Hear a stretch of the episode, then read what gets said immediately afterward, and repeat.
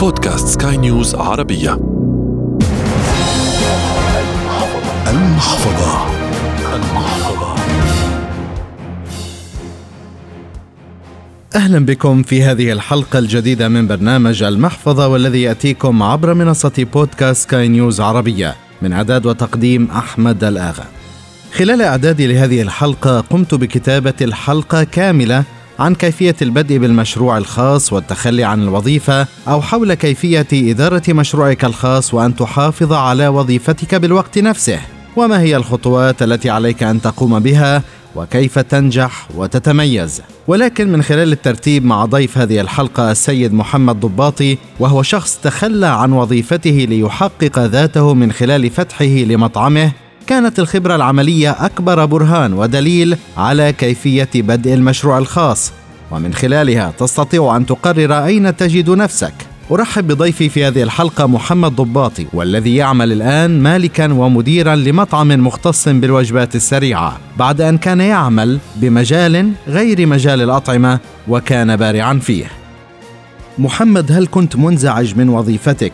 وهل كنت ترى نفسك بمشروعك الخاص؟ مثل ما بتعرف إنه دائما العمل الخاص هو بيكون ناتج عن موهبة أو هواية أو سكيلز الشخص بتبناها بتكون موجودة في شخصيته. فأكيد كل إنسان عنده حلم وعنده طموح إنه يكون له مشروع الخاص. فجوابي بيكون الانزعاج من الوظيفه أكيد العمل الخاص بيكون أريح. على الرغم من المعوقات والمسؤوليات الموجودة فيه لكن بضل الإنسان بيشتغل بجهده نعم.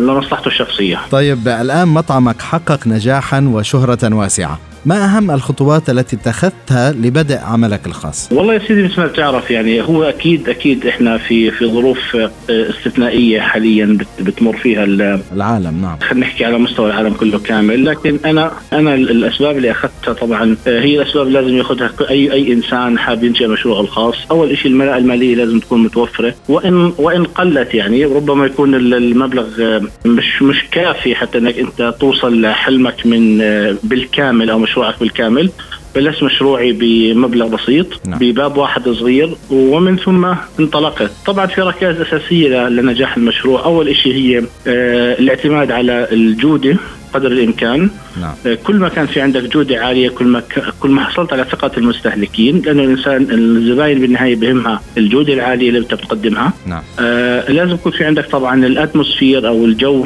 الحلو داخل المطعم لأن الزبون كمان بهمهم القعدة اللي تكون الحلوة المرتبة اللي بتعكس كمان آه، نوعية الطعام اللي انت عم بتقدمه. طبعا بلا شك الوسائل التسويقية لازم تكون موجودة لازم يكون في بجت خاص ميزانية خاصة للتسويق آه، بحيث انك انت تقدر تستهدف أكبر شريحة من الناس وتعرفهم بالمنتج تبعك وبالمطعم تبعك. هل عملك القديم يتعلق بمشروعك الخاص؟ حقيقة لا، أنا يمكن نوعية دراستي غير محددة، أنا دارس marketing وبالتالي marketing هو بأي منشأة آه، أو بأي كيان بي بي بي بيقدر يشتغل ويكون موجود فيه وبيخدم وبيخدم نعم. بالضبط كل القطاعات أنا كنت في قطاع قطاع الصناعات الغذائيه تحديدا لكن هو بيختلف عن قطاع الأطعمة اللي أنا عم بشتغل فيه حاليا. طيب هل خطر ببالك أن تعود للوظيفة مرة أخرى ولكن بنفس الوقت أن تدير مشروعك الخاص من بعيد؟ آه، أكون صريح معك لا. بصراحة لا. نعم. يعني مثل ما بتعرف أول أول شيء طبعا العمل الخاص بتطلب جهد كبير وبتطلب تركيز عالي وبتطلب إنه الإنسان يكون واقف على مصلحته حتى إنها هي تأتي اكلها مثل ما بيحكوا. نعم.